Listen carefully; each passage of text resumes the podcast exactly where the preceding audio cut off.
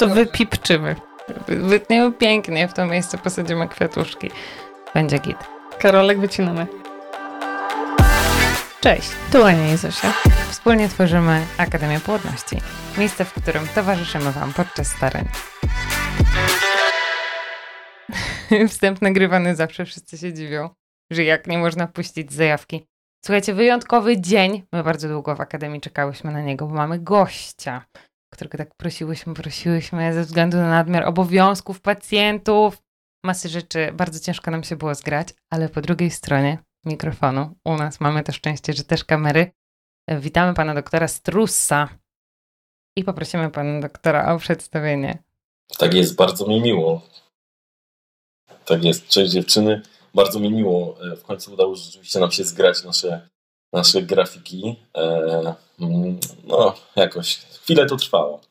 E, ja przedstawię się wszystkim, przedstawię się Waszym odbiorcom. Ja się nazywam Michał Strus, jestem lekarzem w trakcie specjalizacji z położnictwa i ginekologii, którą realizowałem w oddziale endokrynologii ginekologicznej i ginekologii Szpitala Uniwersyteckiego mm, w Krakowie.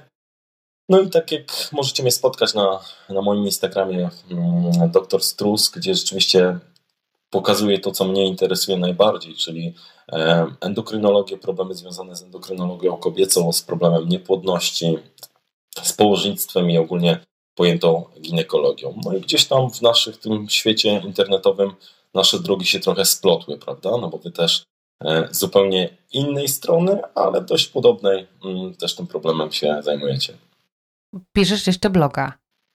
Masz stronę. Tak jest, piszę, tak jest, tak jest. Piszę bloga e, na ginekologika.pl. To jest blog, który ja docelowo jakby przygotowałem już wcześniej dla, dla swoich pacjentek, bo jakby odpowiadam tam na te pytania, na które nie zawsze mamy czas podczas 20-minutowej wizyty. No, same, same wiecie, że ten czas lekarza ginekologa na wizycie jest czasem dość ograniczonym, a wiele pytań jakby po wyjściu dopiero z gabinetu się pojawia i ja na te najprostsze pytania dotyczące antykoncepcji, dotyczące niepłodności, endokrynologii. Tam właśnie staram się odpowiadać, żeby pacjentka no nie musiała się umawiać na kolejną wizytę, przychodzić i tak dalej, tylko znalazła te proste odpowiedzi, więc na ginekologii.pl tam te wszystkie odpowiedzi staram się zamieszczać. Zapraszamy, zapraszamy, bo tam jest dużo, dużo informacji i też kontakt ewentualny. Y, słuchajcie, fajnie, że to wybrzmiało, że my działamy na jednym ogródku, ale jednak każdy z nas robi swoje. I to super by było, gdyby nam się też udało podkreślić podczas dzisiejszego podcastu. Bo my się zawsze staramy gdzieś tam rozróżnić działania lekarza i dietetyka w tym całym zespole terapeutycznym, który opiekuje się z racji Akademii Płodności, to osobami, które starają się o dziecko. My sobie tutaj, słuchajcie, wspólnie wypisaliśmy 7 aż punktów, które może nam się uda omówić. Yy, I zobaczymy, czy wyjdzie z tego jeden podcast, czy dwa. Będziemy sobie luźno rozmawiać. Pierwszy nasz podcast wspólny będzie takim wprowadzeniem do tego. Chcielibyśmy Wam dużo wyjaśnić, żeby jak najmniej pytań pozostało w Waszych Uporządkować po prostu, prawda? No bo to wiele różnych odbiorców spotyka się na waszych, na waszych stronach, waszych blogach, na moim Instagramie. Są to odbiorcy, którzy od wielu lat borykały się z problemem niepłodności, albo są to odbiorcy, którzy, e, pary, które, które ten problem dotknął zupełnie niespodziewanie już teraz i, i to są zupełnie różne grupy, prawda? Jak bardzo często mam pacjentki, które, panie doktorze, bo moja koleżanka ma tak, a tamta ma tak, miała takie badanie na tym etapie niepłodności, ta miała ten. No niestety w diagnostyce i leczeniu niepłodności każdy y, przypadek, każdy problem jest zupełnie problemem indywidualnym. Nie ma dwóch takich samych problemów. No niestety jesteśmy różni, różni wiekiem, nasze zdolności prokreacyjne są zupełnie różne. E, no i trzeba to niestety oddzielić, skupić się indywidualnie na, na pacjencie. Natomiast to, co powiedziałyście, ja już tym problemem zajmuję się parę, parę lat e, i pracuję, pracuję w Krakowie bardzo długo szukałem osób, które no, mogłyby uzupełnić tą moją pracę, bo ja uważam, że w stylu życia i w diecie my mamy ogromne możliwości, które mają ogromny wpływ na, nasze, na, na naszą płodność.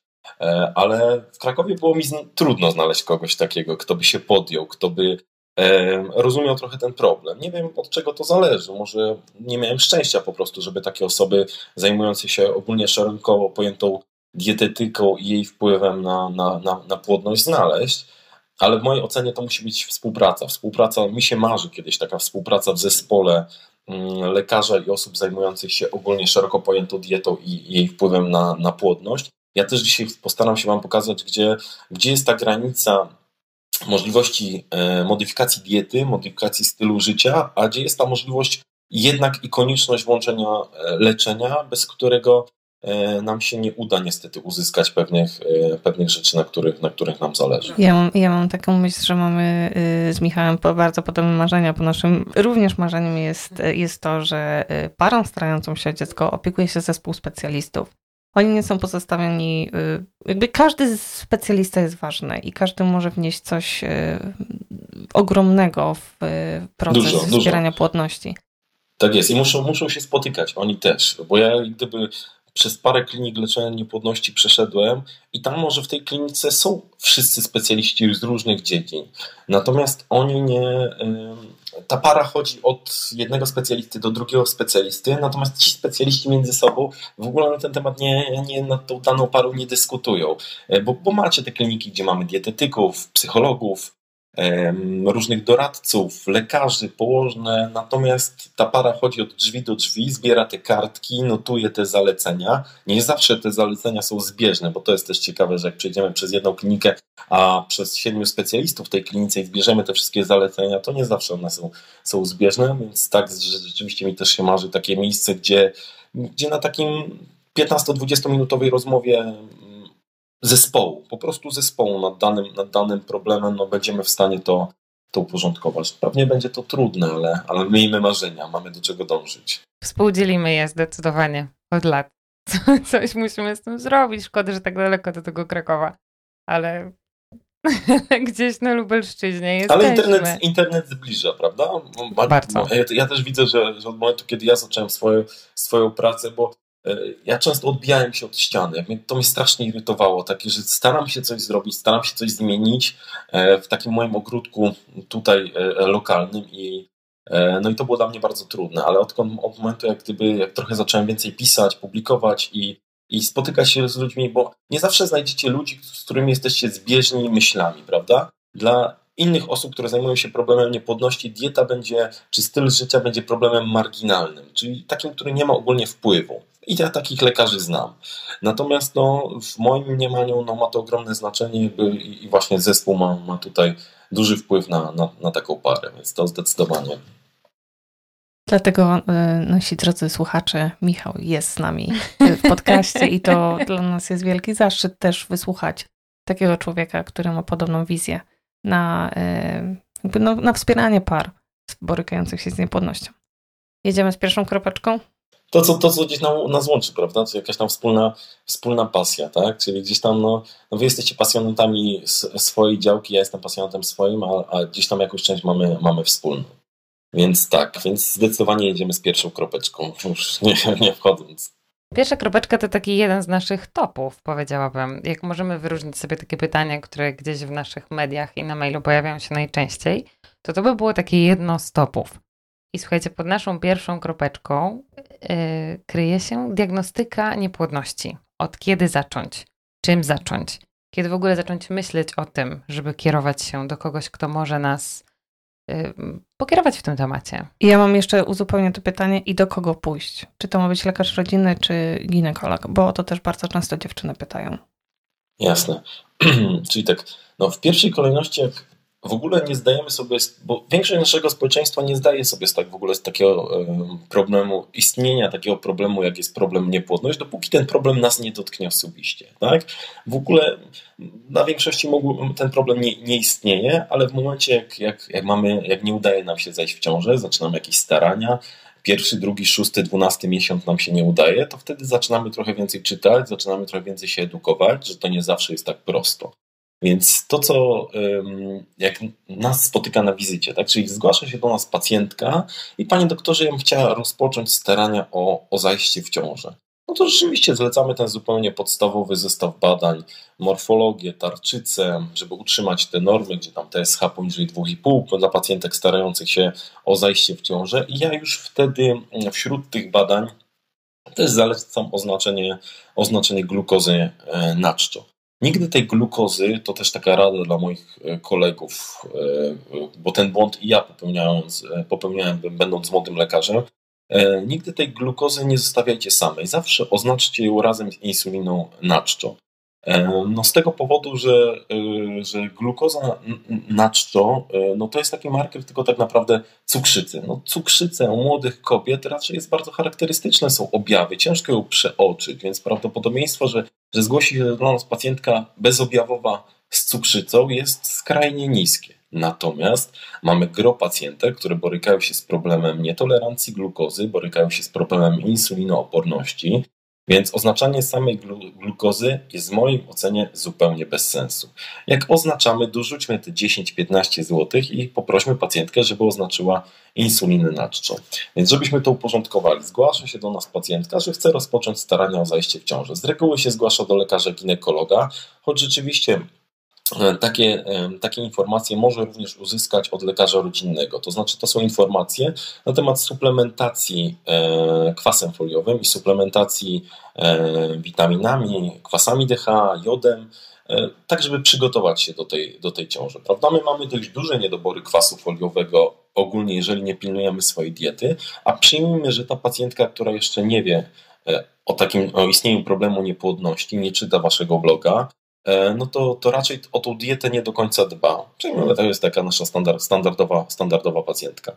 No i jeżeli mamy młodą, zdrową osobę, to zalecenia Polskiego Towarzystwa Ginekologicznego mówią jasno, że w przypadku 12 miesięcy e, starań o zajście w ciążę, które nie dają efektu, powinna zostać rozpoczęta diagnostyka. Natomiast tu jest, warto zwrócić e, w tym miejscu, jakby zrobić kropkę, z tego powodu, że te 12 miesięcy to jest taka definicja. Natomiast w sytuacji, jeżeli pacjentka jest obarczona innymi chorobami. Wcześniej miała rozpoznany na przykład y, zespół policystycznych jajników, problemy z tarczycą.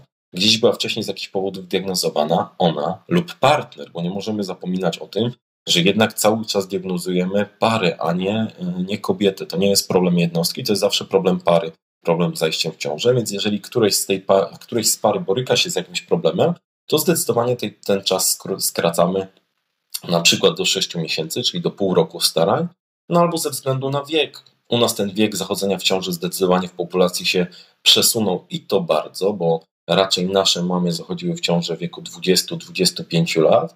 Raczej e, nasze siostry teraz, czy, czy, czy pacjentki w naszym wieku, zachodzą w ciąży w wieku 30 i więcej. Więc ten wiek ma ogromne znaczenie na nasze możliwości prokreacyjne. Więc pacjentka się zgłasza na taką pierwszą wizytę, robimy kontrolne badania. Te kontrolne badania przyjmijmy na to, że, że wychodzą w porządku, spoglądamy na pacjentkę. To znaczy, zawsze proszę kolegów, żebyśmy oderwali wzrok od wywiadu, od badania ginekologicznego i spojrzeli na pacjentkę. Zobaczyli, czy ona już y, boryka się z jakimś problemem, nawet delikatnej nadwagi, czy mamy problem otyłości. No musimy na nią spojrzeć, porozmawiać o stylu życia, porozmawiać o aktywności fizycznej, czy jakaś ona jest, bo to wszystko ma ogromny wpływ na te możliwości mm, zajścia w ciążę. No i to jest jakby ten pierwszy punkt, w którym my możemy podjąć taką rozmowę, prawda?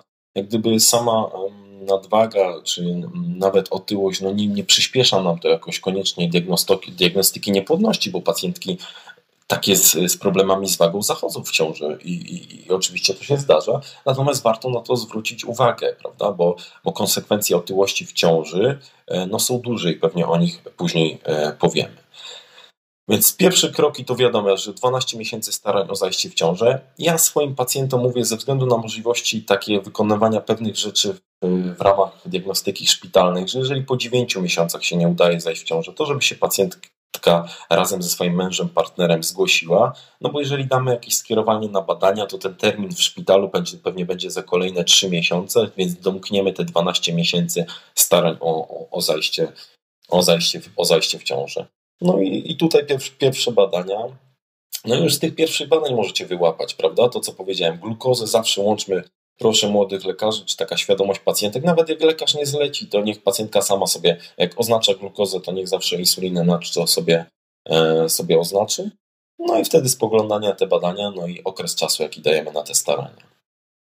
Bardzo ważna uwaga. Z takiej glukozy insuliny można już o wiele więcej wyciągnąć, poobliczyć sobie chociażby HOMA-IR czy kliki i zobaczyć, jak to wygląda.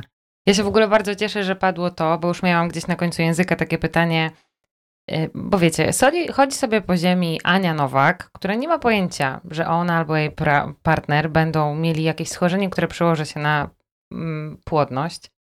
Więc y, u nich, załóżmy, może to sobie trwać te 12 miesięcy. Ale oczywiście od razu przychodzi mi do głowy taka Zosia, która o się dowiaduje się mając lat 16, potem dochodzi Hashimoto i jeszcze bardziej kwaśna mina lekarza na ewentualne przyszłość, na ewentualną przyszłość. Potem dochodzi nam podejrzenie endometriozy i mam takie kurcze. Serio, czy wtedy ta Zosia powinna czekać, wiecie, 12 miesięcy? Ja wiem, jeszcze jak, jak, jeszcze jak, to, jeszcze jak łączymy taki miks, to w ogóle znajdziemy też usłyszymy w gabinecie, że, że jak zachodzenie w ciążę to już, bo potem to już się nie da, to, to będzie problem ogromny i, i, i lepiej ten, więc też jakby no nie naszą rolą jest yy, straszyć też pacjentki, o tym też zawsze przypominam, prawda? Spotykamy się na jakimś etapie życia, no nie zawsze pacjentka w danym etapie życia ma partnera, męża i chce zachodzić w ciążę, prawda? Diagnozujemy to, co dzieje, dzieje się tu i teraz i staramy się tu i teraz pomóc, a za jakiś okres czasu, jeżeli pacjentka podejmie decyzję o, o, o zachodzeniu w ciążę, no to do nas wróci i wtedy będziemy się borykać z tym problemem, czy problemem związanym z zespołem policystycznym jajników, czy nawet problemem związanym z rozpoznaniem e, endometriozy. Zwykła rozmowa, nie straszymy. Kolejne marzenie, słuchajcie. To, że wiesz, to, że teraz już, to przynajmniej jest jakaś szansa. Często ja słyszałam i, i czytam te wiadomości, jak dziewczyny czytają. Się nie uda. To już niestety jakby jest pogrzebany, no nie uda się. No, a ja, mam, a, ja mam takie, a ja mam takie pacjentki w gabinecie, które wracają, prawda, gdzieś tam, panie doktorze, ja, ja tylko po drugą opinię e, przy, przychodzę, bo, bo byłam u tego, u tamtego lekarza i, i, i położyli na mnie, postawili na mnie krzyżyk, że, że ja w ciąży nie zajdę. No dobrze, ale z jak tych, wiecie, tych czynników takich, które bezpośrednio powodują, e, że my wiemy od razu, że, że pacjentka nie zajdzie w ciążę, jest do policzenia maksymalnie na palcach jednej ręki, więc ich jest skrajnie e, mało. E, więc tutaj no, jakby trzeba brać trochę odpowiedzialność za swoje słowa też, które wypowiadają lekarze. No, nie straszmy i też nie mówmy nie do końca nieprawdy, jeżeli mamy nieprzeprowadzoną pełną diagnostykę niepłodności. No bo jasne, rozumiem, że finał finałów możemy rzeczywiście spotkać się w punkcie, że pan doktor X powiedział, że nigdy nie zajdę w ciążę, ale ja te słowa też mogę powtórzyć, ale jeżeli mam przeprowadzoną pełną diagnostykę niepłodności, jeżeli rzeczywiście jakby za moimi słowami idą wyniki badań. I, i, i tutaj to jest, to jest też bardzo ważne. No, no nie lubię tego, ale no, nic na to nie poradzę, tak czasem jest. E, może nie zawsze to jest wina lekarza, to też jest problem tego, jak nas kształcą z zakresu komunikacji. My nie mamy takich warsztatów, nikt nas nie uczy na temat tego, jak rozmawiać z pacjentami, e, jak przekazywać trudne informacje, bo uwierzcie mi, że to są bardzo trudne, bardzo ciężkie informacje. No, to są informacje porównywalne no, z ciężkimi chorobami w najbliższej naszej rodzinie. Jeżeli pacjentka dowiaduje się, że, że czy będzie miała problem z naturalnym zajściem w ciąży, czy jeżeli mówimy o naturalnym zajściu w ciąży, to takiej możliwości w chwili obecnej nie ma. No to są skrajnie ciężkie informacje i jakby pozostawienie pacjentki, po pierwsze, nas lekarzy nikt nie uczy, tak jak wspomniałem wcześniej, na temat przekazywania tych informacji. Z jednego ta informacja wyleci wśród innych, jak po prostu ze strzelnicy. Pach, pach, pach, pach, pach, nie zajdzie pani w ciąży, lecimy dalej. I, i, i tak czasem się zdarza. A drugi lekarz no, włoży to gdzieś między zdaniami i, i, i pacjentka jakby z tej całej wizyty wyłapała te, to jedno sformułowanie, nie zajdę w ciążę, wychodzi z gabinetu, najgorzej jeszcze, jeżeli w tym gabinecie była sam, bez męża, bez partnera i, i, i jest szok, więc no to jest taki troszkę, że tak powiem, układ naczyń powiązanych. Dlaczego my mamy taki problem? No problem komunikacji, nie kształcimy niestety lekarzy z zakresu komunikacji. Mi się to, to jest taka zupełna dygresja, to będziecie mogli wyciąć, ale, ale no mi się marzy to, co mnie nauczono z zakresu komunikacji, bo mnie też ktoś tego nauczył, jakby zwrócono mi na to uwagę i, i, i ktoś mnie tego nauczył, że to jest bardzo, bardzo ważne. Jeżeli potrafimy rozmawiać ze sobą jako ludzie, jako lekarz, pacjent, to, to dużo łatwiej nam będzie przeprowadzić pacjenta czy pacjentów przez cały proces e, diagnostyczny. Nie wycinamy tego na pewno, to jest bardzo ważna wstawka. Życzymy sobie empatycznych ludzi, no nie tylko lekarzy. Czemu my tylko tych lekarzy tak wrzucamy do tych złych worków? Nie tylko lekarze mają problem z komunikacją. Ludzi, dokładnie, dokładnie tak. Szukamy zawsze to, co ja jakby cały czas na, na swoim Instagramie powtarzam, że zawsze szukamy zrozumienia i staramy się zrozumieć, żeby pacjent zrozumiał lekarza, bo te sytuacje, które nas spotykają w szpitalach, na dyżurach, są sytuacjami ogromnego stresu i też jakby wymagamy od tego, żeby lekarz starał się do każdego pacjenta podejść indywidualnie, każdą tą sytuację zrozumieć i podejść do niej zupełnie, zupełnie empatycznie. Więc mówię, więc tych, przy, tych sytuacji, w których my bezpośrednio możemy powiedzieć parze, że ona naturalnie nie zajdzie w ciążę, jest skrajnie nisko i, wymaga, i, i skrajnie mało i wymagają pełnej diagnostyki. To znaczy, to nie jest tak, że wykonuje jest druga wizyta i mówimy, że nie zajdzie pani w ciąży. To jest nierealne. To się nie, nie powinno zdarzyć, to wymaga diagnostyki. Gdzie był doktor Strus, jak ja się starałam o dziecko? No gdzie był? Gdzie ten Kraków? Sądzę, że jeszcze na, sądzę, że jeszcze na studiach. Super, że wy już możecie go złapać.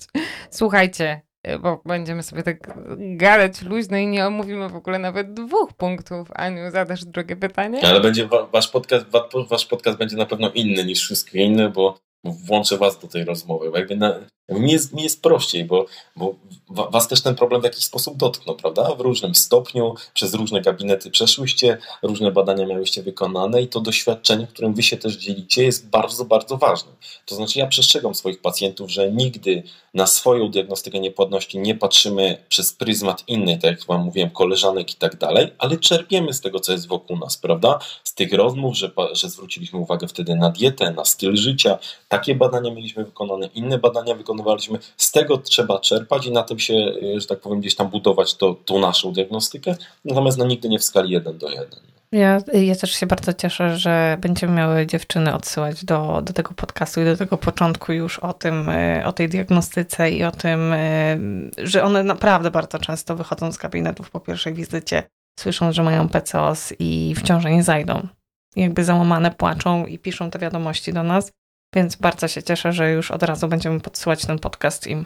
To jest jakby, to jest pierwsze zdanie, które mnie nauczono, jak ja rozpocząłem specjalizację. Bo ja rozpocząłem specjalizację na takim niecharakterystycznym oddziale, oddziale endokrynologii ginekologicznej. Powiem Wam szczerze, jak ja tam szedłem do pracy, myślę sobie, co to za oddział w ogóle, gdzie mnie skierowano? Ani to nie jest ginekologia onkologiczna, gdzie wiedziałem, że będę walczył z nowotworami, ani to nie jest położnictwo, gdzie wiedziałem, że będę odbierał porody. Ja w ogóle powiem Wam szczerze, ja nawet nie wiedziałem, że taki oddział endokrynologii ginekologicznej istnieje, z ręką na sercu.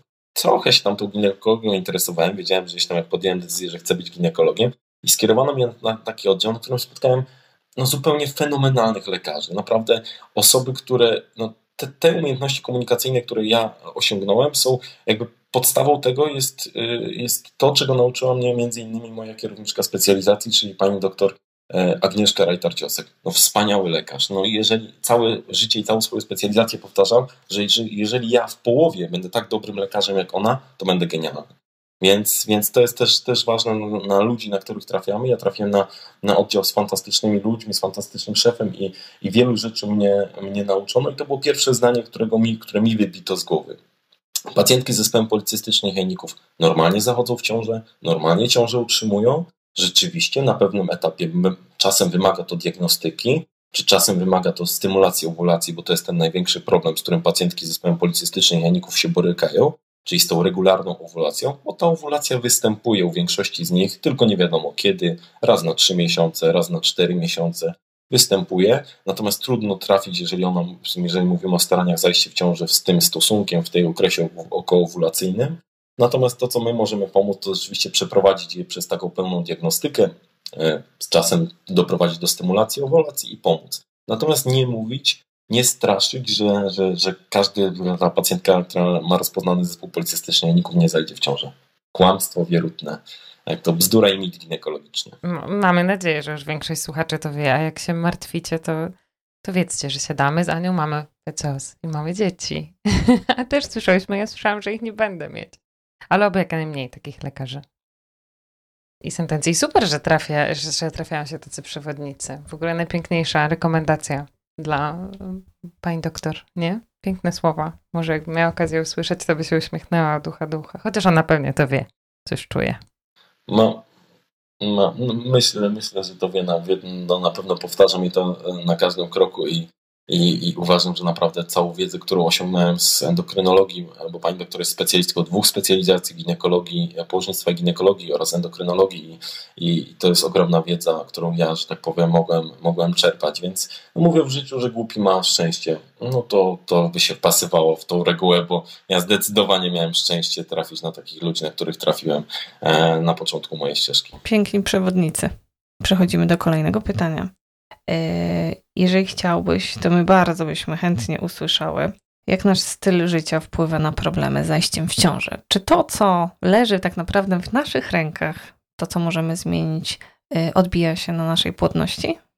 Oczywiście, ma to ogromny wpływ, więc jakby porządkując, żeby też e, osoby, które będą słuchały naszego podcastu, jakby mimo tego, mimo tej naszej rozmowy, która jest, jest bardzo wartościowa również w mojej ocenie, jakby nie, nie jakby miały ścieżkę tej diagnostyki, czyli mamy 12 miesięcy starań o zajście w ciążę i te starania nie przynoszą rezultatu, albo w sytuacji, jeżeli jesteśmy obciążeni my albo partner, e, widzicie, właśnie lekarz ginekolog bardziej się utożsamia z pacjentką niż z, z, z partnerem, mimo swojej płci, więc oczywiście to jest trochę dziwne, ale rzeczywiście jest mi bliżej do, do moich pacjentek. Więc tak, jeżeli pacjentka lub, lub jej mąż, partner boryka się z jakimś problemem, z chorobą układową, to wiadomo, że skracamy ten czas diagnostyki.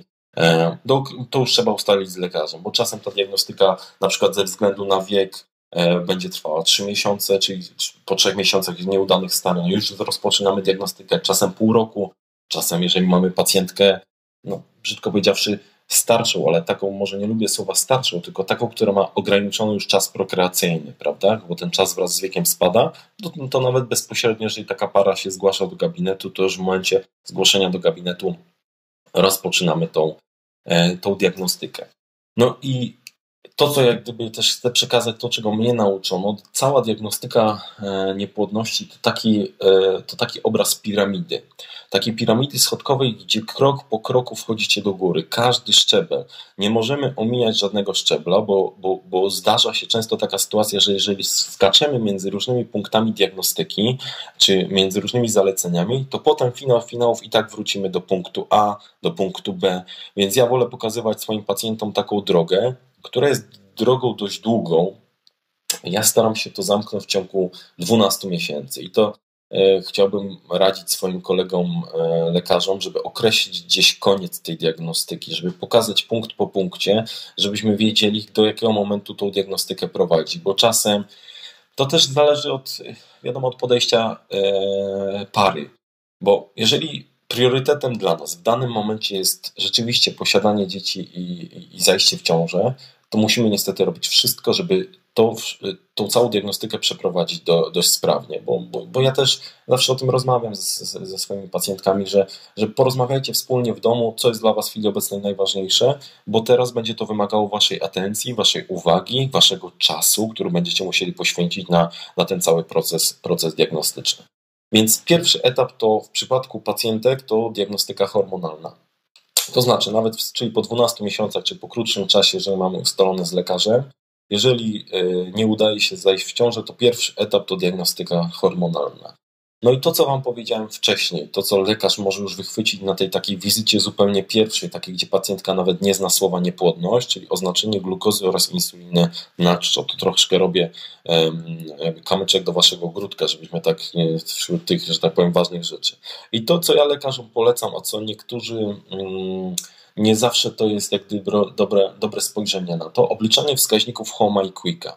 To znaczy wskaźniki Homa i Quicka to są wskaźniki, które e, pozwalają nam podejrzewać insulinooporność. Nie, nie rozpoznawajmy insulinooporności czy nietolerancji glukozą na podstawie tych wskaźników Homa i Quicka. To są takie kalkulatory, które liczą stosunek glukozy do do insuliny i to już można wychwycić na tej pierwszej wizycie. To znaczy spoglądamy całościowo na pacjentkę, patrzymy, rozmawiamy z nią na temat jej diety, stylu życia, aktywności fizycznej, e, oznaczamy glukozę oraz insulinę na czczo. No i jeżeli ten wskaźnik HOMA i QUICA jest nieprawidłowy, czyli daje nam podejrzenie e, problemów z insulinoopornością czy z nietolerancją glukozy, no to tutaj już możemy na tym etapie bardzo, bardzo wczesnym e, zalecić, mm, zalecić doustny test obciążenia glukozą i tutaj wielki wykrzyknik, ogromny wykrzyknik, bo ja póki nie pisałem, jak mówiłem tylko do ustnie, to zawsze pacjentka wracała do mnie z wynikiem do ustnego testu obciążenia glukozą z oznaczeniem tylko glukozy. I mówiła, że pani pielęgniarka w punkcie powiedziała, że pan doktor jakieś dziwne badania zleca, przecież ja glukozę nadczą miałam dobrą, i, i, i przecież nie mam żadnej cukrzycy i test e, doustne obciążenia glukozą wyszedł dobry. I tu zawsze mówię, od wielu lat już piszę też, żeby pacjentka zwróciła uwagę, że nie tylko wykonujemy oznaczenie glukozy przed wypiciem, po godzinie i po dwóch godzinach od wypicia, ale również oznaczenie insuliny. Bo bardziej nas w tym przypadku, jeżeli podejrzewamy insulinooporność, zdecydowanie bardziej interesuje nam nas wynik, e, nas wynik insuliny. I, ten, I to badanie jest wykonywane tak samo, czyli prosimy, żeby pielęgniarka, położna, ktoś, kto pobiera nam krew w danym punkcie, pobierał zawsze dwie próbówki na glukozę i na insulinę i zwracam na to uwagę, bo uwierzcie mi, że jak ja bym dostawał złotówkę za każdy wynik, gdzie pacjentka wracała z samym wynikiem glukozy, choć wielokrotnie mówiłem, że zależy mi na insulinie, nie musiał pracować, więc to jest, mówię, no, tych rozpoznań cukrzycy młodych kobiet to jest bardzo, bardzo rzadka sprawa towarzyszą temu objawy, małe prawdopodobieństwo. Natomiast no musimy pamiętać, że pacjentek z zespołem policystycznych jajników, teraz mówi się, że nawet 30% kobiet może się borykać z problemem zespołu policystycznych jajników, to też zależy od populacji i tak dalej. Natomiast tej grupie pacjentek z zespołem policystycznych jajników, taka charakterystyczna grupa, już każda pacjentka w internecie wie, co to jest PCOS, no tej grupie pacjentek z PCOS-em 60% około będzie miało problem z insulinoopornością. Więc to jest duża populacja, duży procent, prawda? Też wiadomo, zgłębiamy ten wywiad, więc jeżeli w rodzinie występowała w pierwszej lub drugiej linii rodziny, czyli rodzice albo dziadkowie występowała cukrzyca, no to, to już jest nawet do wykonania, wskazanie do wykonania doustnego testu obciążenia glukozą, oznaczenia glukozy oraz insuliny.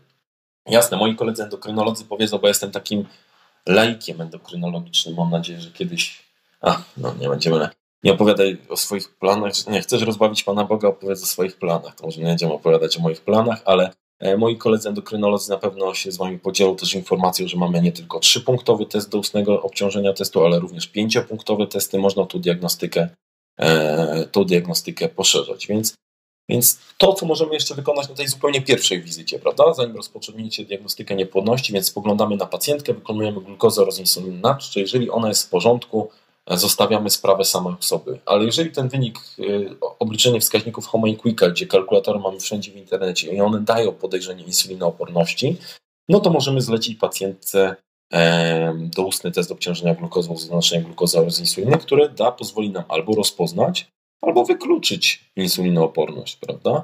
Nie ma takich światowych norm, no to już się trzeba zgłosić do lekarza. Często pacjentka no, wysyłają mi screen czy zdjęcie samego tego wyniku insuliny. No nie da się tak, to się nie da tak na podstawie. To nie są cyfry. No, leczymy zawsze pacjentkę, e, więc to zawsze musimy spojrzeć na pacjentkę, na jej wagę, masę ciała, BMI e, i na wyniki wtedy, że tak powiem, tej insuliny i wtedy dopiero zastanawiamy się, czy możemy to uregulować dietą i tutaj zdecydowana większość możemy uregulować dietą i stylem życia, czy niestety już jest potrzebna moja rola jako rola lekarza i włączenie leku e, czy leków, e, które, które będą troszkę pomagały, pomagały w, tym, w tym procesie. Więc jakby wracając do tej pierwszej kropki, bo będziemy tak skakać. Pierwsza kropka to badania hormonalne dla, dla kobiet. Wśród tych badań hormonalnych to, co najważniejsze i najistotniejsze w mojej ocenie, to badanie rezerwy jajnikowej, czyli anti hormon, bo Badanie rezerwy jajnikowej jest takim bardzo ważnym badaniem, które mówi nam o tym, czy my w ogóle mamy czas na diagnostykę. Niestety, zdarzają się również rzadko takie sytuacje, że wyjściowo to badanie rezerwy jajnikowej jest niskie albo skrajnie niskie. Wtedy my już nie mamy za bardzo czasu na taką pełną diagnostykę. Trzeba się zastanawiać, co zrobić, żeby jak najszybciej ta dana para zaszła w ciążę. Bo to, co w diagnostyce niepłodności jest najgorsze, uważam, że za najgorszą e, przewinienie, to przejść o jeden most za daleko. To znaczy tak długo przeciągać tą diagnostykę, czy nawet ewentualne leczenie, że dana para straci całkowicie szansę na zajście w ciążę, czy naturalne, czy nawet technikami wspólnego rozrodu. Nie przeciągajmy. Musimy pamiętać, to jest trudne do wytłumaczenia To jest druga najtrudniejsza moja rozmowa, jaką prowadzę, 20% przyczyn niepłodności to przyczyny idiopatyczne. Czy nie znajdziecie przyczyny, dlaczego ta dwójka ludzi, która się spotkała na Ziemi, czyli ta kobieta i ten mężczyzna, wspólnie nie mogą mieć dzieci? No, no tak niestety czasem się dzieje. 20%, jedna e, piąta, więc to jest dość dużo. I, I, to jest trudna rozmowa komuś wytłumaczyć, że, że nie. No i ja znam te schematy. Ta pacjentka, na, uwierzcie mi, na 200% pójdzie do innej kliniki czy do innego lekarza. Jestem tego pewny. I sam zrobiłbym tak samo. I ja to rozumiem, to postępowanie. To jest zupełnie naturalne, ludzkie postępowanie. Zasięgamy drugiej opinii, sprawdzamy drugie badania. Natomiast to, co nas jako lekarzy w tym pierwszym etapie może obronić, jeżeli mamy rzetelnie przeprowadzoną diagnostykę niepłodności, krok po kroku, nie ominęliśmy żadnego punktu i rzeczywiście sprawdziliśmy wszystko, co mogliśmy sprawdzić, przeprowadziliśmy wszystkie możliwości, to to nas broni w 100%. To znaczy, ten komunikat, że najpewniej borykacie się Państwo z idiopatycznym, czyli y, problemem niepłodności, czyli z takim, gdzie nie znajdziemy uchwytnej przyczyny, którą możemy leczyć, e, czyli jakoś poszerzać diagnostykę. I, I, ta pacjentka dostaje taki komunikat, taki, taki strzał, to to nas broni, bo jeżeli inny lekarz, który się zajmuje tym problemem, przejrzy te wszystkie nasze wyniki badań, sprawdzi to wszystko i będzie widział, że my to wszystko zrobiliśmy najbardziej rzetelnie, jak potrafiliśmy, no to, to, to nas broni. Natomiast ja nie uważam tego za jakiś. Bo czasem w odbiorze moich kolegów to jest jakiś, że ona poszła do ciebie jeszcze to konsultować, dlaczego ona to zrobiła i tak dalej. To jest naturalny odruch. No, naturalna zupełnie sytuacja e, jakby organizmu, że, że, że, że tak reaguje. Jak dostajemy złą informację, to zawsze chcemy ją weryfikować. Więc, więc więc tak to, tak, tak to wygląda o tej, o tej przyczynie idiopatycznej nie możemy zapominać. Więc wracając, tutaj badania hormonalne, to już z lekarzem określimy, jakie badania hormonalne warto wykonać i badanie rezerwy jajnikowej. Bo ta rezerwa jajnikowa to jest pewnego rodzaju, jakby kobieta rodząc się jako, jako, jako dziewczynka, jako kobieta dostała pewną pulę komórek jajowych. Wraz z każdą owulacją, z każdym cyklem, ta pula komórek jajowych nam spada. Na tą pulę komórek jajowych wpływa jej styl życia, jej dieta, palenie papierosów, inne używki, które no teraz troszkę, bo był okres, yy, że tak powiem, w naszej polskiej historii medycyny, gdzie głównie palenie papierosów miało wpływ yy, w zdecydowanej większości na, yy, na ten wynik, na tą rezerwę janikową. No bo rzeczywiście ta świadomość na temat szkodliwości palenia papierosów była niewielka. Teraz ta świadomość jest ogromna, więc już to palenie papierosów schodzi nam drugi plan. Raczej na pierwszy plan rzeczywiście wysuwają się problemy z, mm, z nadwagą czy z otyłością, czyli problemy z naszą masą ciała, które, które powodują dysproporcje hormonalne i powodują zaburzenia czy obniżanie tej rezerwy jajnikowej. To taka uwaga też do, pewnie nie wiem, czy nas będą moi koledzy lekarze, ginekolodzy słuchać, ale tego, czego ja się nauczyłem, zawsze się tym dzielę, bo ze mną się tym podzielono i też uważam to to jest jak gdyby, już też będę Wam robił takie punkty, że to, jest akurat y, uwaga od mojej mamy, która jest y, fantastycznym mikrobiologiem, jest fantastycznym naukowcem, y, która mnie, która zawsze jak student do niej podchodził, to e, nie wiem jak u Was było, ale u mnie zawsze nie chciano się dzielić tymi prezentacjami. Ja się dalej spotykam na tych konferencjach naukowych, że e, nie, nie, tą prezentacją nie mogę, może Pan sobie notować, robić zdjęcia. Boże, przecież to jest no, skrajny żeby nie powiedzieć brzydko, nagrałem podcast, no skrajna głupota, no po to ktoś nas kształci, po to gdzieś wyzyskujemy tą wiedzę, żeby się z nią dzielić, no bo dzięki temu większej ilości osób będziemy mogli pomóc, więc mnie tego nauczono, więc ja też tego, czego ja się nauczyłem, się chcę tym dzielić, to była uwaga, zawsze badanie rezerwy jajnikowej musi być, yy, musi być yy, poparte yy, liczbą pęcherzyków antralnych, czyli w kontrolnym badaniu USG najlepiej gdzieś tam w pierwszej fazie cyklu, w w, jajnikach liczymy, ile jest pęcherzyków, bo nie zawsze, bo nie zawsze wynik badania rezerwy jajnikowej yy, daje odzorowanie w, w liczbie pęcherzyków antralnych. Więc te dwa badania warto wykonać jakby dodatkowo, czyli badanie USG, gdzie policzymy te pęcherzyki antralne, to od razu będziemy widzieć, jeżeli tych pęcherzyków jest mało, to, bada, to najpewniej rezerwa jajnikowa będzie wychodziła niska. Natomiast jeżeli jest więcej, no to ten, ten wynik rezerwy jajnikowej jest, jest prawidłowy. Więc rezerwa jajnikowa określa nam czas. Czas, jaki my mamy na przeprowadzenie przez ten etap diagnostyki. Więc ten pierwszy schodek, jeżeli ktoś tam gdzieś tam będzie jakieś notatki z tego robił, to, to pierwszy etap u kobiety to diagnostyka hormonalna z oznaczeniem badania rezerwy jajnikowej. To badanie w polskich warunkach jest niestety badaniem nierefundowanym.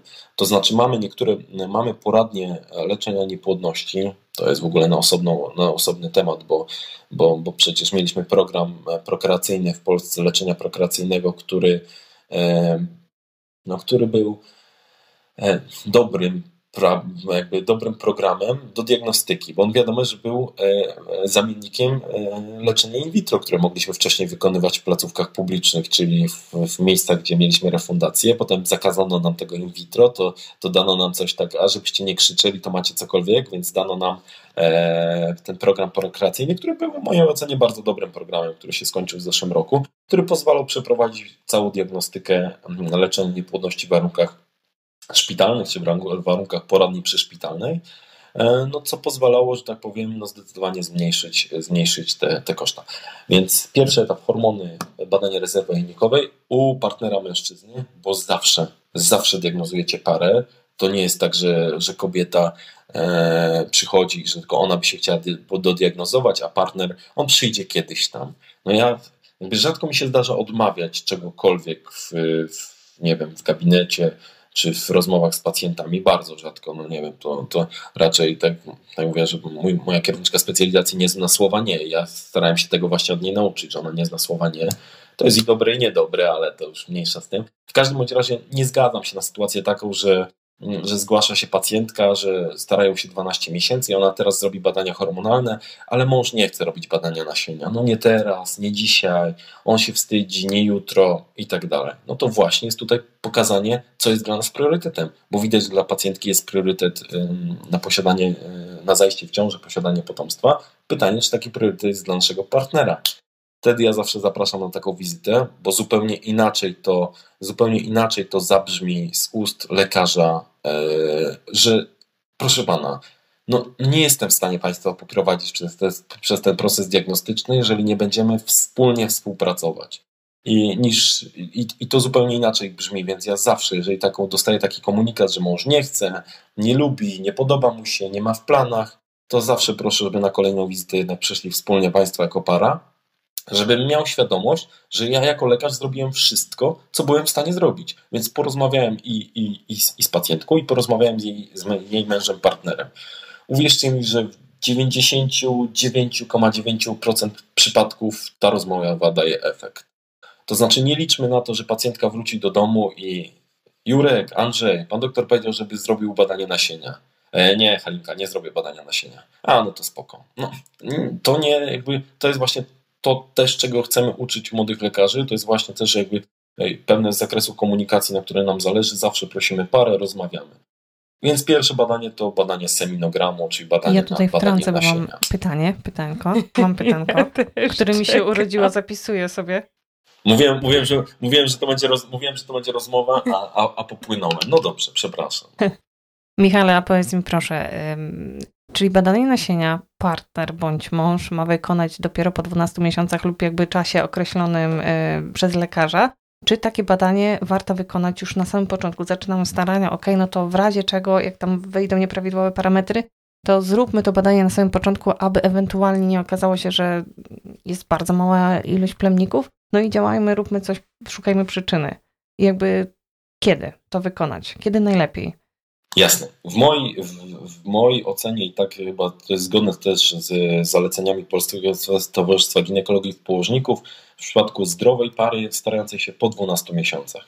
No dajmy też jakby chwilę spokoju, dajmy też wolną głowę, y, dajmy też spokój, jakby nie skupiajmy się tego. Jeżeli zobaczycie, jeżeli to, co mnie spotyka często, dlaczego ja się spotykam z tymi parami po 9 miesiącach? Bo ja je troszkę postraszę, że będziemy niedługo robić jakieś badania, jakieś coś i tak dalej. Teraz trzeba odpocząć, teraz trzeba ten. I w tych ostatnich trzech miesiącach 80% par, które gdzieś tam są zdrowe, nie, nie borykają się, zachodzą w ciążę.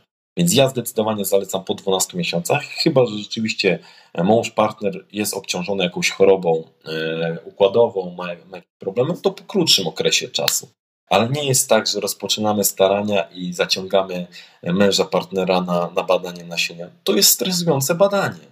To, to się może tak. Jasne, że 90% diagnostyki skupi się na kobiecie, prawda? I same wiecie, że to nie jest nic przyjemnego, bo jakby całe, y, cała odpowiedzialność, gro tej odpowiedzialności to jest już praca dla, dla psychologów, która też uważam, że jest bardzo ważna. Jakby tu nie ma odpowiedzialności. To nie jest tak, że my szukamy winnego. Tu nikt nie szuka winnego. Tu szukamy rozwiązań wspólnie. Więc nie obarczamy nikogo winą. za nic, bo to nie o to chodzi. Natomiast rzeczywiście tak jesteśmy skonstruowani, że, e, że większość tej diagnostyki niestety będzie dotyczyło kobiety, prawda, w, tej, w tym całym procesie. I ona też będzie czuła ogromną odpowiedzialność, w związku z tym jej myśli kłębią się w głowie i ten stres, który jej będzie towarzyszył, będzie ogromnym stresem. Natomiast jakby mężczyzna jest trochę inaczej skonstruowany, trochę, ale jeżeli jego obarczamy badaniem nasienia, to też nie, mo nie możemy myśleć, że on w tej głowie ma pustkę i nie myśli na ten temat. Jak gdyby on cały czas też się zastanawia, też myśli o tym, że czy to jest moja wina, że nie możemy zajść w ciążę, więc, więc, więc nie. Na początku starania o zajście podstawowe badania, suplementacja kwasem foliowym, zdrowy styl życia, aktywność fizyczna, to no co ja zawsze na tej pierwszej wizycie zwracam uwagę. Jeżeli 12 miesięcy nie przynosi rezultatu, to dopiero wtedy. Jasne, no, będą osoby, które będą w stanie mi zarzucić to, że jakbym zrobiła rezerwę jajnikową wtedy, od razu, to bym wiedziała, że ta rezerwa jest niska albo skrajnie niska. E, albo jakbym zrobił badanie nasienia wtedy, od razu, to bym wiedział, że ten wynik jest tragiczny, beznadziejny i tak dalej. Natomiast no nie możemy przez pryzm, to będą sytuacje bardzo, bardzo rzadkie, skrajnie rzadkie. I nie możemy przez pryzmat jakby tej rzadkiej sytuacji jednostki no, takim postępowaniem obarczyć całej populacji, bo dużo więcej stresów, dużo więcej problemów jakby zrobimy tymi dodatkowymi badaniami, które wykonujemy już teraz, od razu, niż jeżeli damy spokojny czas, Proszę Państwa, macie rok, spokojnie się starajcie, nie myślcie o tym. Jeżeli się nic nie uda, spotkamy się za rok. I też to nie jest powód żaden do, do stresu, wtedy będziemy się zastanawiać, to, to, nie, jest, to nie jest problem. Więc ja uważam, że, że zgodnie z zaleceniami po, po 12 czy po 6 miesiącach głowa w diagnostyce niepłodności e, Wybaczcie, ale nie oglądałem, widziałem, że, że miałyście taki podcast z psychologiem, jak się nie mylę. I nie oglądałem, nie słuchałem niestety, to z ręką na sercu się przyznaję, chociaż większość waszych podcastów mam przesłuchane, to też, to też się przyznaję. I też jakby, to jest dla mnie wartościowe, jako dla lekarza, to wam od razu, od razu powiem, że, że jakby te rozmowy, bo no, potrafi, jakby nie wiem od czego to zależy. To znaczy, potraficie stworzyć taką atmosferę swoim, ze swoim rozmówcą, że ten rozmówca się przed wami e, otwiera. Inaczej jest w gabinecie ginekologicznym. To znaczy, dużo trudniej otworzyć się pacjentce, czy przeprowadzić taką rzetelną rozmowę e, z kimś, za kim stoi już tytuł naukowy i biały fartuch. To znaczy, ja unikam białego. Ja, ja unikam białego fartucha, ale, ale ta rozmowa jest trudną rozmową. No, poza tym wiecie, Znamy się, jak to w tej piosence, znamy się tylko z widzenia, więc pacjentka zna mnie tylko z widzenia, przychodzi na wizytę i ma mi opowiedzieć o najbardziej skrytych i, i, i, i problematycznych swoich jakichś historiach. To jest trudne. E, I, jak gdyby, no, no, natomiast, natomiast u was się, wam się udaje otworzyć tych odbiorców i dla mnie to jest ważne też, na co ja powinienem zwracać, e, zwracać uwagę. Ale super to jest, że sobie wchodzi pan doktor i podsłuchuje, nie? Co ta pacjentka powie nie w gabinecie i ja jeszcze z tego sobie wyciągnę i gdzieś właśnie może między słowami super. Tak, bo wiecie, jakby tymi, tymi, tymi, tymi trikami, które wy stosujecie, bo jednak czy mamy tego świadomość, czy nie, to wasze rozmowy też są pewnymi rodzajami trików, które staramy się pewne rzeczy wyciągnąć od, od, pacjenta. I to jest, to jest trudne, bo to jest nasza prywatna historia medyczna. No, ja bym się nie chciał dzielić swoją historią medyczną i to jest trudne. Natomiast ja też staram się jak gdyby, no to też zastosować w gabinecie, bo to jak pe o pewnych rzeczach pacjentka nam powie, a w 99% by nie powiedziała, to to nam daje już jakby ogromną przewagę w tej diagnostyce. Więc rzeczywiście ten, ten, ten psycholog, jeżeli ktoś tego potrzebuje, bo też nie na siłę, to też na to chcę zwrócić uwagę, e, czasem e, jakby tak mamy skonstruowaną psychikę, że, że nie potrzebujemy tej rozmowy z psychologiem. To nie jest jakby konieczność w diagnostyce niepłodności. Często niektórzy zareagują dodatkowym stresem czy reakcją obronną, że co chce pan ze mnie zrobić wariata czy coś. No, to są takie stygmaty, które w naszym społeczeństwie w dalszym ciągu występują, niestety. To musi być prosta rozmowa, że w mojej ocenie e, jakby obecność psychologa w tej Państwa diagnostyce niepłodności byłaby wartościowa. Jeżeli Państwo chcecie, uważacie, że to by nam przyniosło. Często ja dostaję pytanie, Panie doktorze, co by, to, co by nam to e, jakby dodało do tej diagnostyki niepłodności? No przede wszystkim taką bardzo prostą analizę na temat tego, żebyście Państwo porozmawiali, na temat tego, żeby, żeby jakby wyłączyć emocje. No, emocje musimy wypuszczać z siebie, nie możemy ich trzymać w środku. Ja Wam jakby powiem, ja wczoraj miałem bardzo trudny dzień w gabinecie i e, ja staram się tych emocji, które wpływają na mnie z zewnątrz, czyli wpływają na mnie poprzez pracę w szpitalu, poprzez, poprzez na każdego z nas wpływają emocje, prawda? I staram się tego y, gdzieś nie wypuszczać. No, nie zawsze się to udaje, więc to jest, to jest ważne, żeby emocji nie trzymać, nie dusić, wypuścić i dzięki temu, temu nam pomaga, pomaga psycholog, więc, więc jakby rola zespołu jest tutaj bardzo ważna. Ale skaczemy. Jezu, mam nadzieję, że ktoś z tego coś wyciągnie. Michał na wstępie powiedział, słuchajcie, to nie będzie monolog. My sobie będziemy rozmawiać, ja wam się będę wtrącał. Na razie my się nie możemy wtrącić. Ale to jest super. Bo na razie, wiesz, może właśnie to wynika z tego, że przerobiłeś już tyle tych pacjentek, że ty wiesz, co się może kłębić w tej głowie. Ale ja już mam jakieś pytanie i ty za chwilę na nie odpowiadasz, nie? Ja już bym chciała zapytać i Michał już tam jest. Ale nie na wszystko. Ja bym chciała tylko dodać dwie rzeczy, jak mogę, tak na szybko. Po pierwsze, bardzo rozumiem jakby case w głowie Ani, który pyta ciebie jako lekarza, czy mój stary już może na wstępie zrobić badanie nasienia, bo ja bym bardzo chciała, bo jakby tam wyszło, to już byśmy, rozumiesz? To, to już jest ten case, że ja już chcę działać, że jak ty mi mówisz, 12 miesięcy i starajcie się Państwo bez stresu, to ja mam takie, to jest najtrudniejsza rada, jaką słyszałam. Bo ja teraz przez te 12 miesięcy może się będę zastanawiać, wiecie, a jak on tam coś ma? Ale poczekaj, wtrącę ci od razu. Wtrącę ci od razu, bo to jest bardzo często, co ja słyszę z ust kobiety, ale zupełnie to nie jest to, co ja słyszę z ust mężczyzny.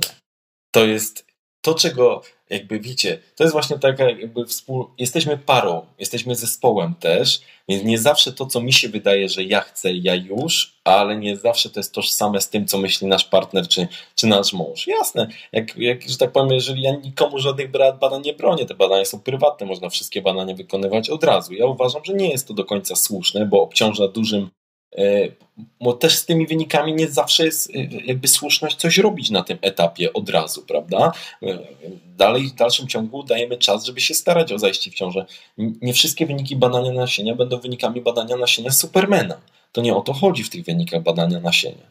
Więc jak gdyby to jasne, jakby z ust kobiety bardzo często słyszę, że ona już chce działać i tak dalej i i pierwsze działanie, jakie ona chce, to zróbmy może badanie nasienia, prawda? Pan doktor mówił, że 25% przyczyn niepłodności to przyczyna męska, to może zacznijmy tak pokrótce od tego mojego męża, partnera. Natomiast no ja wtedy, bo z reguły gdzieś widzę tą parę, to ja wtedy widzę, że to jest w ogóle sytuacja nieprzedyskutowana w domu wcześniej. To jest tak wyskoczyło. Pacjentka liczy na to, że ja to poprę swoim autorytetem jako lekarza, ale widzę w oczach mężczyzny, że o, o, o, o. I do której bramki grasz, chłopie, teraz. E, tak, do, tak. I on patrzy, patrzy na, najpierw na swoją żonę, czy partnerkę, która jest w ogóle w szoku. Kasia, co ty mówisz? Kasia, Kasia, poczekaj, Kasia, bo ja za bardzo nie zrozumiałem. A potem te oczy idą na mnie. I wiecie, ja wtedy jako wyrocznia...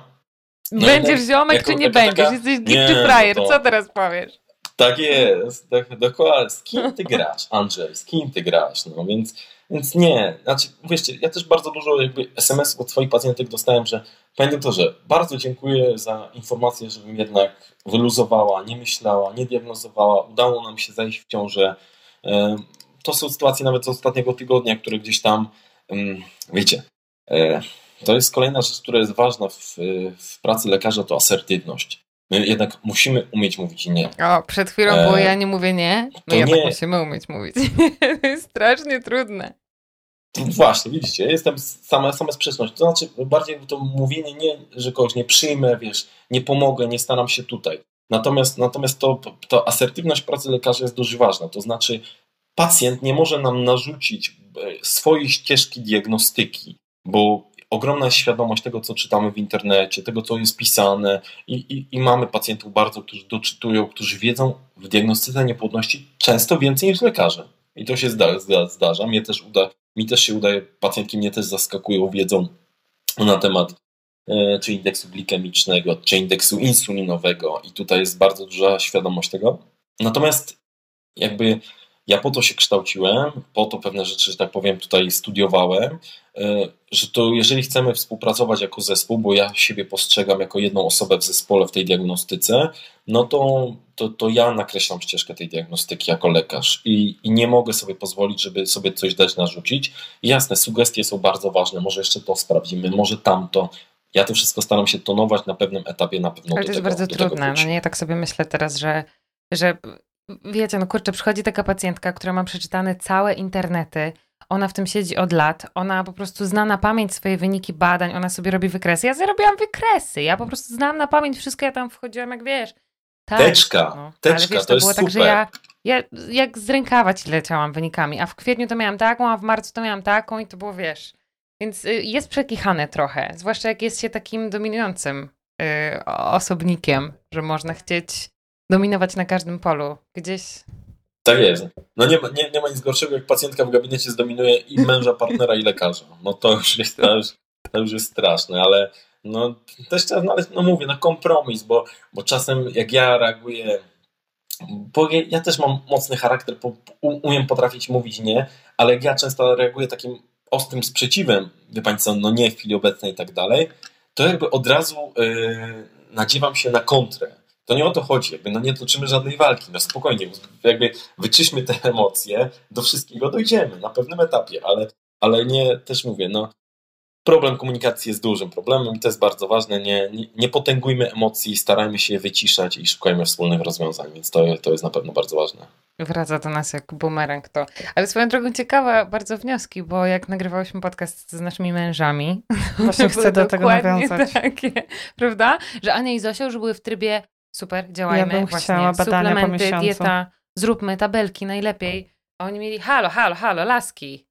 Stop, Macie nie? czas. Mamy, mamy czas, dziewczyny, nie świrujcie. Jeszcze w ogóle w tą korbę wejdziemy, nie? A my, o nie, ty nas nie rozumiesz, tobie nie zależy. No. Ale prawda jest taka, mhm, Dokładnie że tak wyglądałyśmy jest. właśnie tak, że my chciałyśmy mieć badania od razu, najlepiej, żeby pan, e, pan doktor zlecił badania po miesiącu, po dwóch, po grał tylko do mojej bramki. To jest mój pan doktor. Tak, a ten stary niech siedzi i słucha pana doktora i niech najlepiej jeszcze zrobi to badanie. Y, a on jak się uczepił, y, bo jakby to samo usłyszeliśmy w gabinecie, że macie państwo jeszcze czas, że jeszcze chwila spokojnie. I, I mówię, o nie, to ja zmienię lekarza i znajdę sobie takiego, który będzie mówił tak, jak ja chcę.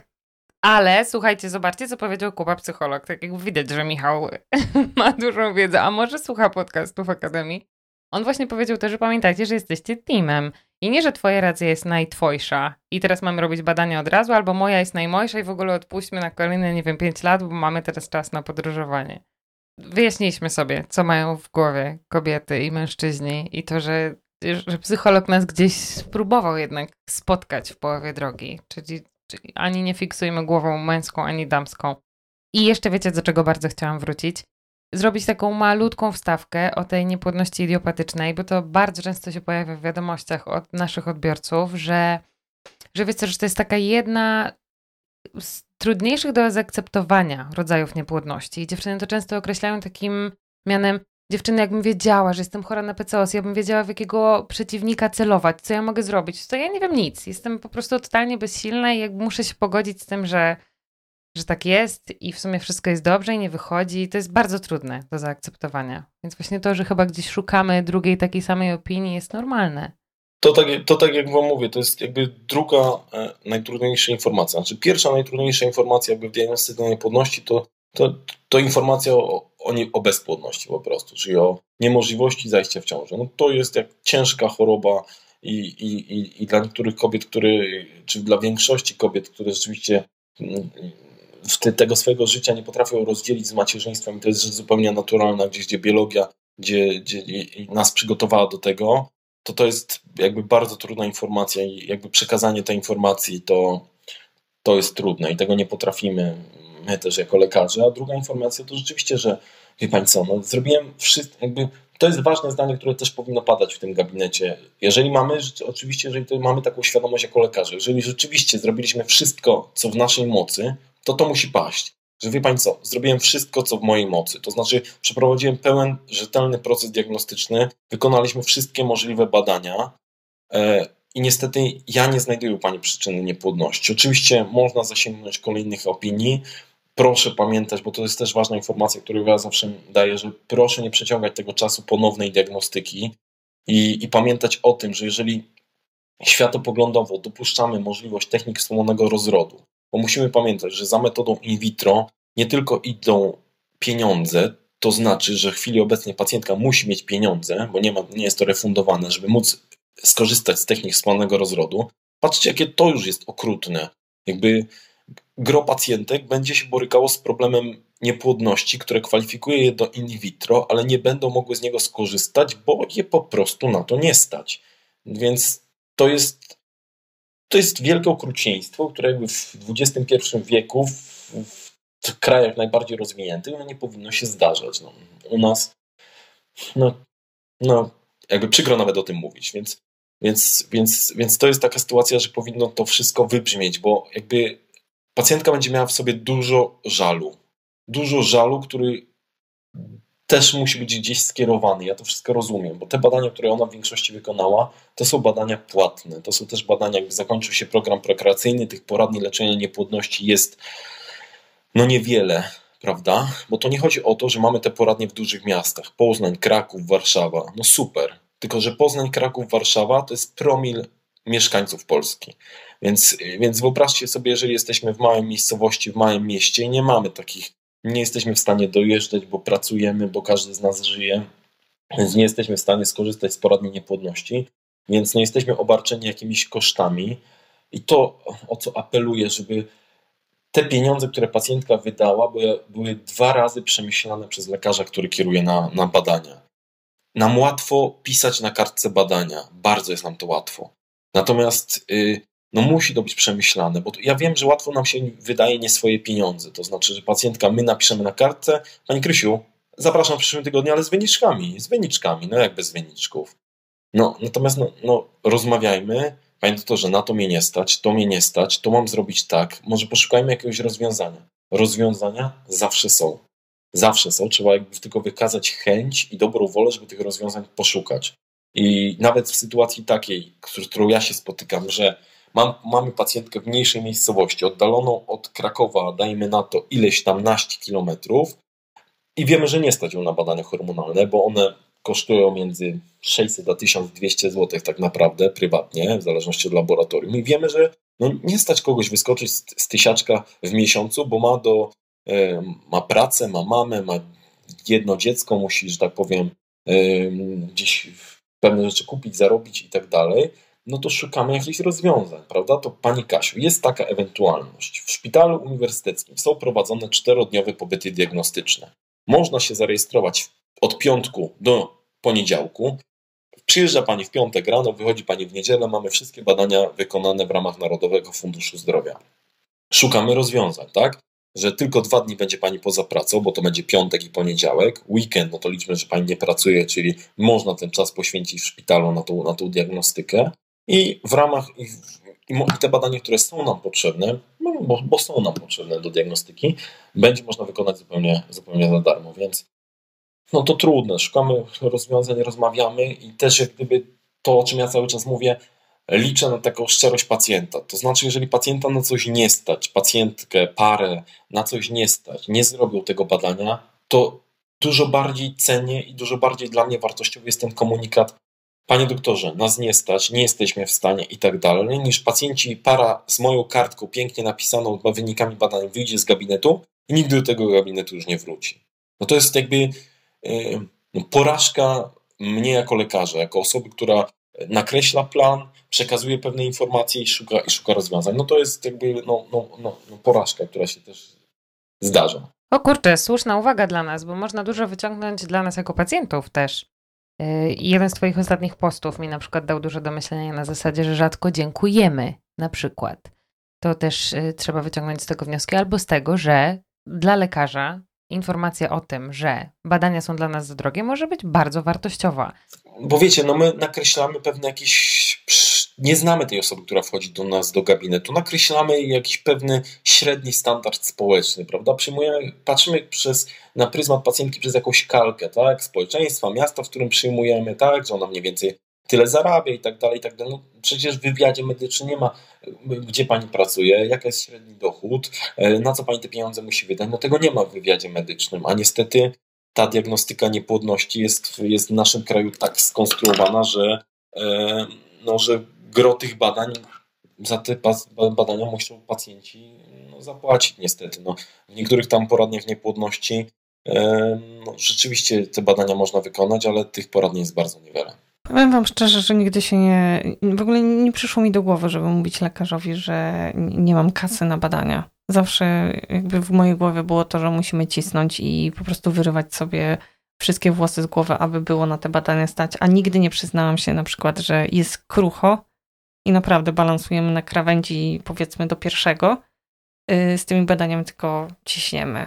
Wiesz, ja teraz mam podobne przemyślenie, bo w sumie to jest, nie wiem, jakieś trochę może wstydliwe, na przykład dla mnie yy, i też o tym nie mówiłam, ale z drugiej strony zawsze było coś, czego mogłam sobie odmówić i tak to traktowałam. Na zasadzie, wiecie, nie muszę pojechać na wakacje, ja nie muszę sobie kupić nowych spodni, jakby będzie na to, ale też nigdy nie wiedziałam tego, co Michał teraz powiedział. Czyli, że zawsze jest jakaś możliwość. W sensie, że możemy coś zrobić, nie? Że zawsze jest opcja. Wiecie, wiesz, dla, dla, ciebie, dla ciebie to będzie odmówienie sobie czegoś, kupienia, wakacji i tak dalej. Gorzej, jak to będzie odmówienie sobie e, jedzenia, e, czy rzeczy, które. W sensie, Właśnie, że naprawdę napra- nie mam. Napra- tak, tak, napra- tak, Naprawdę tak, nie mam. no. To są, to są pewnego rodzaju tra- jakby traumatyczne historie.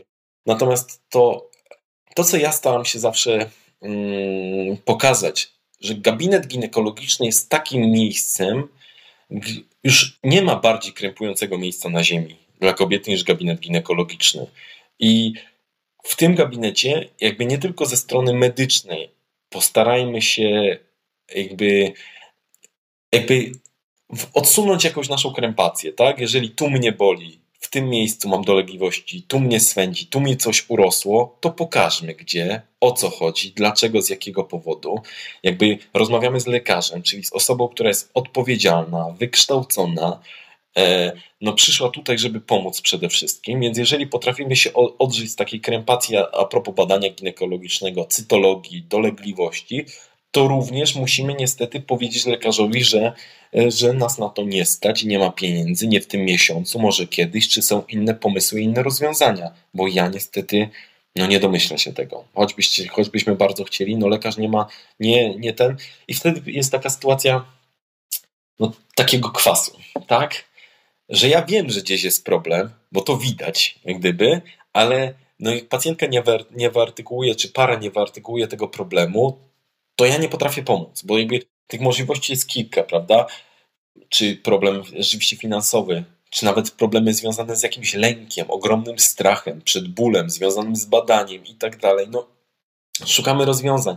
Nawet proste, proste to, co gdzieś tam rozmawiamy na temat tego badania drożności jajowodów. Prosty przykład, że Mamy w internecie, że to boli, to krzyczy, krzyczy każda strona, która słabo się na tym zna, ale, ale często o tym pisze, bo to też, też tym, że to boli i tak dalej. Rzeczywiście, jeżeli mamy ogromny lęk przed bólem, no to szukamy rozwiązań, szukamy możliwości. Mamy możliwość wykonania tego badania w znieczuleniu, mamy możliwość pominięcia tego badania, wykonania innych badań, które możemy w ogóle wykonać, wykonać w znieczuleniu, no tylko, że musimy o tym rozmawiać. Po prostu rozmowa w gabinecie.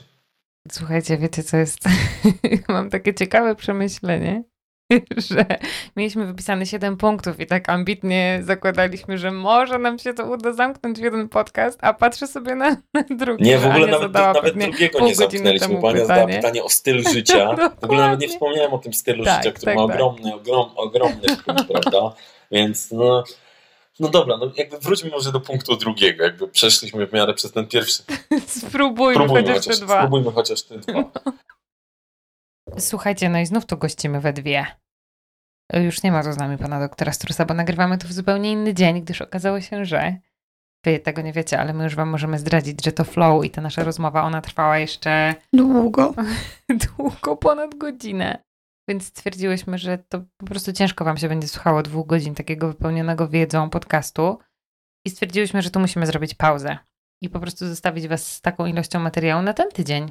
Na ten tydzień zostawiamy tylko tyle, ale już niedługo kolejna, druga część, w której znajdziecie bardzo wiele merytorycznych i wspaniałych informacji, naprawdę.